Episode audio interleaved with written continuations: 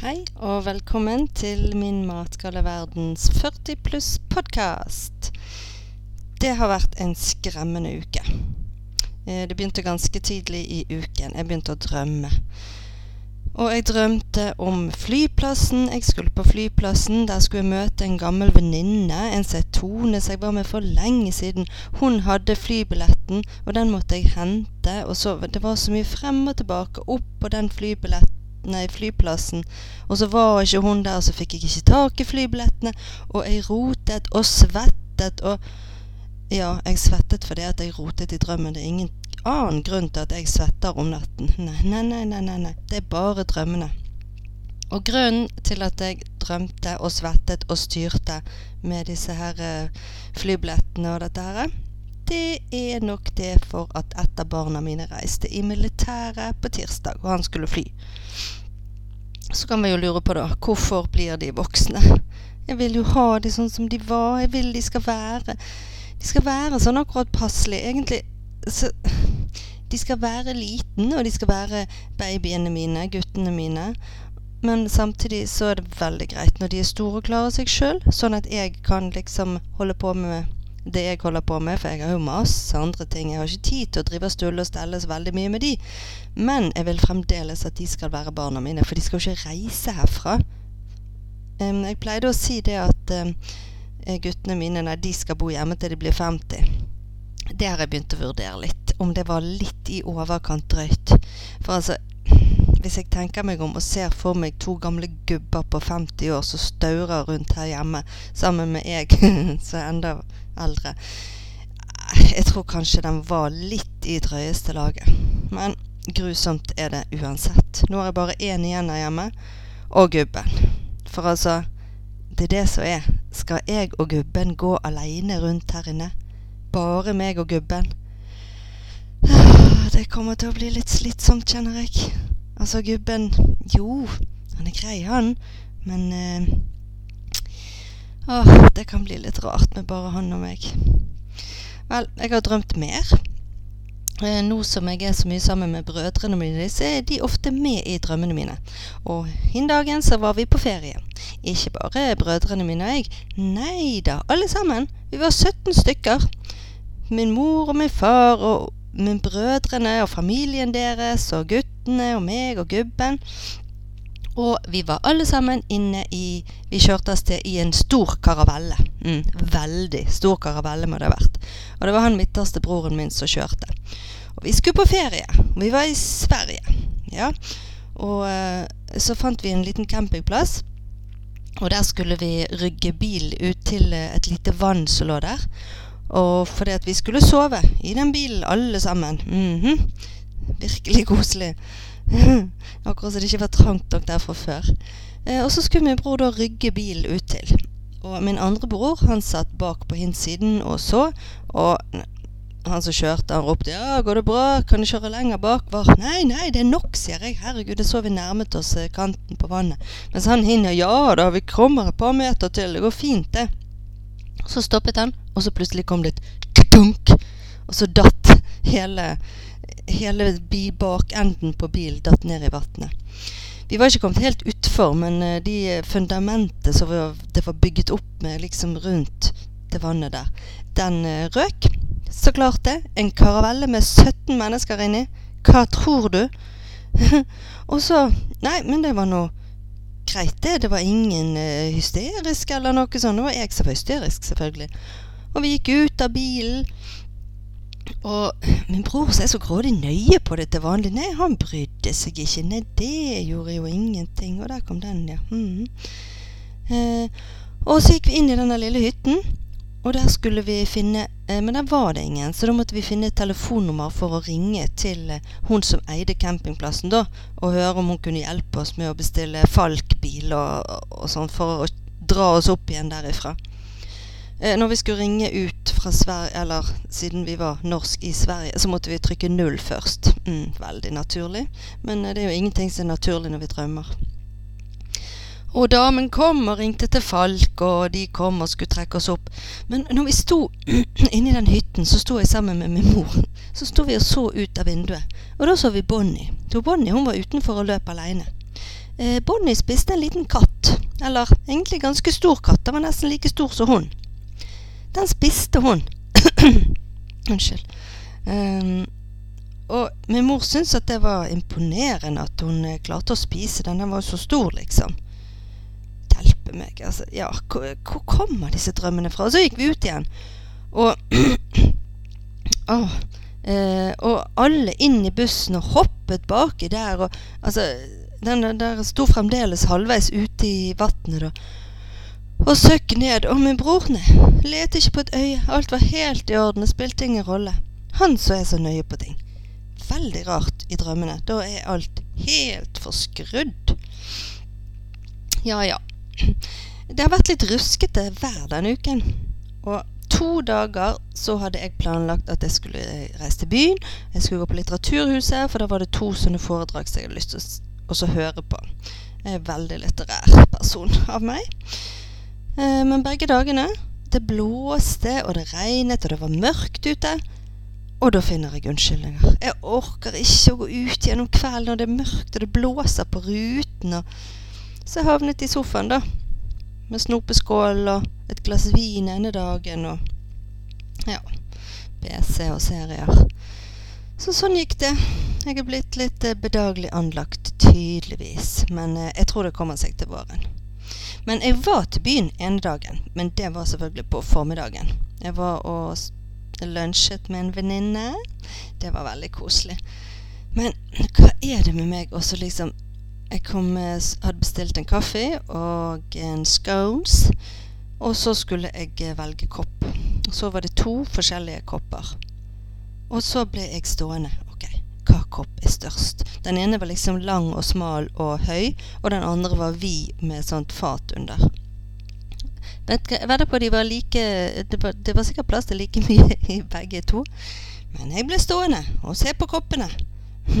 Er det mer i den? Er det mer i den? Så tok jeg den tynne til slutt. Så kom jeg bort til venninnen min, og så sier hun å nei, fant du den koppen? Søren òg, den er sikkert mye mer plass til mye mer oppi. Hun er helt lik som meg. Det er så gøy. Eh, før jeg eh, møtte henne, da, så var jeg borti en sånn eh, meant to be-hendelse. Det er òg veldig gøy. Jeg skulle kjøpe noen sånne S-kroker.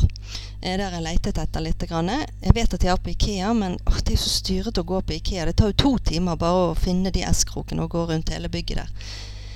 Så jeg gikk inn på Exhibition, så gikk jeg opp i øverste etasje der på et lagerutsalg. Tenkte ja, kanskje de har noe der. Der har de litt forskjellige sånne kjøkkenting og sånt.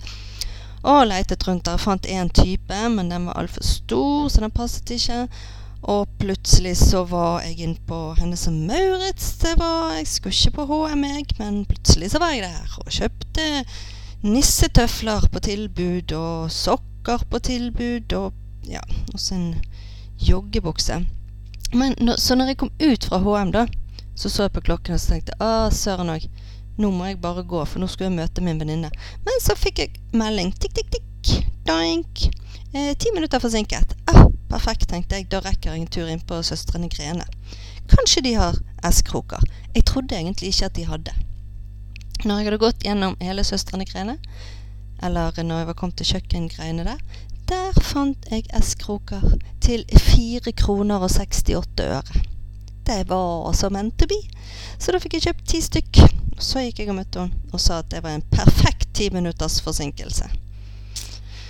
Ja, jeg har òg um, gjort noe annet. Jeg har um, gått på en ny type trening. Det skulle starte opp en sånn jobbtrening på en gang i uken på jobben. tenkte jeg at ja, greit nok. Jeg trener jo masse fra før. Ikke så veldig masse, men uh, litt. Men jeg er alltid interessert i å prøve noe nytt. Og så syns jeg det at når noen starter opp noe, da må vi bidra og være med og være litt engasjert. Ikke bare si åh, nei. Vi må bli med. Så jeg ble med. Vi var ikke så mange. Um, men uh, jeg hadde fri den dagen til og med. Det var samme dagen som jeg var i byen. Men jeg gikk ned, og så skulle jeg selvfølgelig ta litt i det, vet du. Um, for dette var jo folk på jobben. Og da blir jeg litt sånn Ja, jeg er litt eldre enn de, men uh, vet dere hvor lenge jeg har trent? Og så Ja, så jeg tok ganske godt i. Jeg skulle vise hvor sterk jeg var. For eh, det var jo derfor de andre var der, for å se om hun der kokken egentlig var noe sterk. de var der sikkert for sin egen del, men eh, ja, det er nå sånn man tenker. Så jeg eh, kjente jo det i lårene etter hvert, og det var utfall, og det var knebøy, og det var frem og tilbake, og jeg fikk omtrent strekk i ene låret, men eh, jeg lot som ingenting, og jeg ga alt. Dagen etterpå så kjente jeg det at ok, dette kommer til å bli jævlig. Og det ble det. Det gikk greit liksom på begynnelsen av dagen og sånn, men utover, når det var gått et døgn fra treningen, så kunne jeg nesten ikke gå. Jeg fikk rett og slett gangsperren fra helvete. Det var så fælt. Å sette seg ned på do, så måtte jeg holde begge hendene på doringen og senke meg sakte ned. Og kom, for å komme opp igjen, så måtte jeg òg holde på doringen. Og, og, det var så fælt. Det var sånn at jeg sto og, og vurderte på Må jeg virkelig gå på do. For det, det er så vondt å sette seg ned. Kan jeg egentlig bare la være? Kan jeg holde meg litt til? Og hver gang jeg mistet noe, så, så, prøvde jeg å bøye meg uten å bøye beina. Så bare ryggen ned. Det så helt forferdelig ut. Det var ikke bra for ryggen i det hele tatt. Og det ble bare verre og verre. Og når jeg skulle reise meg, det var grimaser og stønning og pusting og ukvemsord. Ja, det var så jævlig. Men nå begynner det å komme seg, så nå skal jeg gå på nytt neste torsdag. Nei, onsdag. Og så har jeg skjønt det, ja, at mm -hmm, selv om jeg går på tur med Bonnie og ikke trener bein til vanlig, for det gidder jeg jo ikke, for de får jo kjørt seg når jeg går på tur med Bonnie. Eh, nei, det har vi da funnet ut at var kanskje ikke helt riktig. Det mest eh, Tja, mest eh, dramatiske Det var vel kanskje i går. Jeg skulle kjøre min mor hjem. Altså det mest dramatiske som skjedde denne uken. Og jeg skulle kjøre min mor hjem. Det var, vært, det var snø, men eh, det var bart i veien. Um, men når jeg var kommet nesten opp Hun bor selvfølgelig oppe i en trang bakke, der jeg òg er oppvokst. Så møter du en bil, så må du rygge. Det er ikke alltid like gøy. Og jeg var nesten oppe, så kom det en bil, og jeg måtte rygge. Og så rygget jeg inn i en stor snøfonn, da, eller litt sånn for, litt snø som lå der, for å få sluppe denne her bilen forbi. Og så sto jeg fast. Bom fast. Jeg kom ikke frem, jeg kom ikke tilbake. Og min mor ble stresset, og jeg ble stresset. Og det tok bare litt. Det tok ikke så lang tid engang. Jeg fikk eh, kranglet meg og rygget, og det er litt sånn skummelt å rygge der, så jeg tørde ikke å rygge så langt bak med en gang. Men jeg klarte å snu, og det gikk bra. Jeg kom meg løs. Men det som er problemet, er at hun kommer sikkert til å nevne dette for brødrene mine. Og så blir det jeg som ikke kan kjøre bil igjen, og så kjører meg fast i snøen, og de kommer til hånlig å mobbe meg. Og hver gang så noe skal kjøres, så er det vel best at Kjersti ikke gjør det, for hun kjører seg jo fast i Jeg har jo liksom vært den som ikke vil kjøre min mor opp når det er glatt i bakken og sånn, og da får jeg sånne sarkastiske 'ja, men jeg kan kjøre', henne, jeg ja, hm, det er greit, det.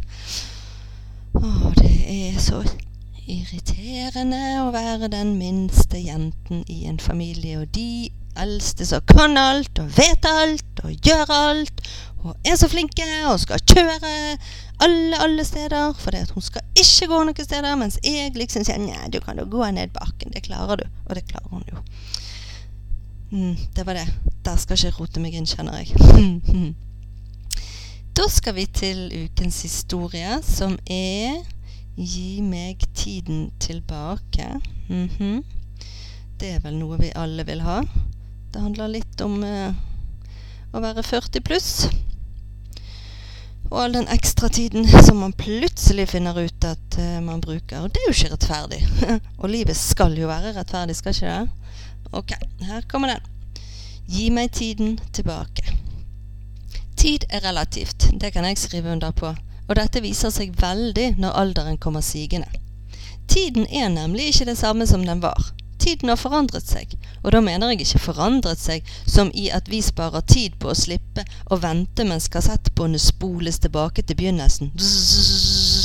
Eller tiden vi får av å slippe å vente mens dreieskiven på telefonen siger tilbake etter at man ringer noen som har flere åtter og niere i telefonnummeret sitt. Nei, da. Jeg snakker om tiden som vi mister, vi som blir eldre. Og da mener jeg ikke eldre som i pensjonister. Pensjonister har nå vitterlig hele dagen til sin rådighet.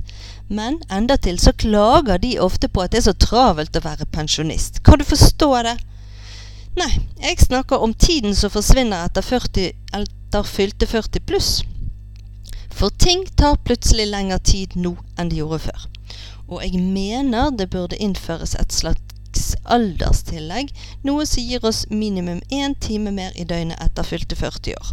Sånn at vi holder tritt med resten av verden. Ta nå lufteturene med hunden. Før så gikk jeg direkte opp den bratte stigningen mot fjellet uten å stoppe.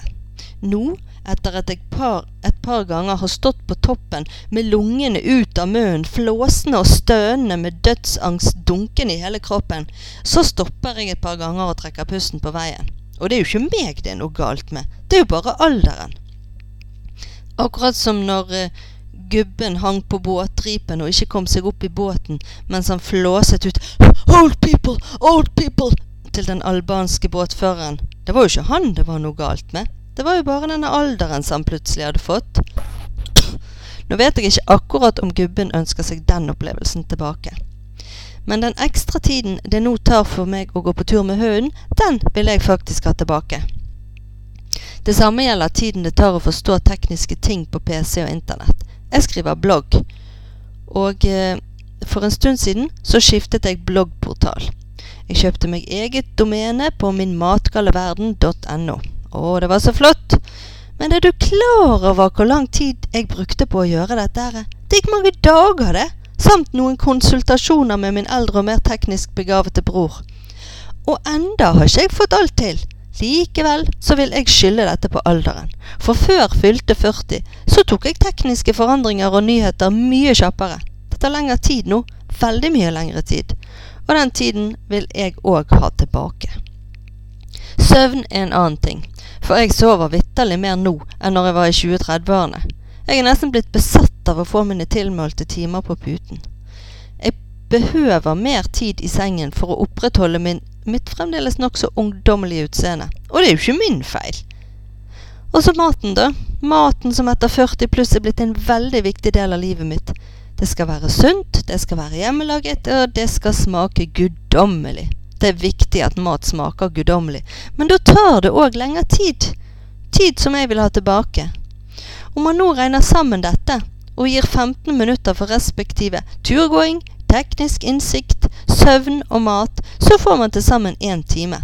Som det er det jeg mener vi på 40 pluss burde få ekstra i døgnet for å holde tritt med resten av verden. Én time mer i døgnet. En menneskerett for oss mellom 40 og 67. Takk for meg. Følg meg gjerne på Instagram, blogg og Facebook, Min matgale verden. Og eh, snart, når jeg bare klarer å komme meg inn på iTunes, for det òg tar litt tid når man er 40 pluss, så kan du gå inn der og rate meg og finne meg der inne også. Takk for meg, og takk for at du hørte på.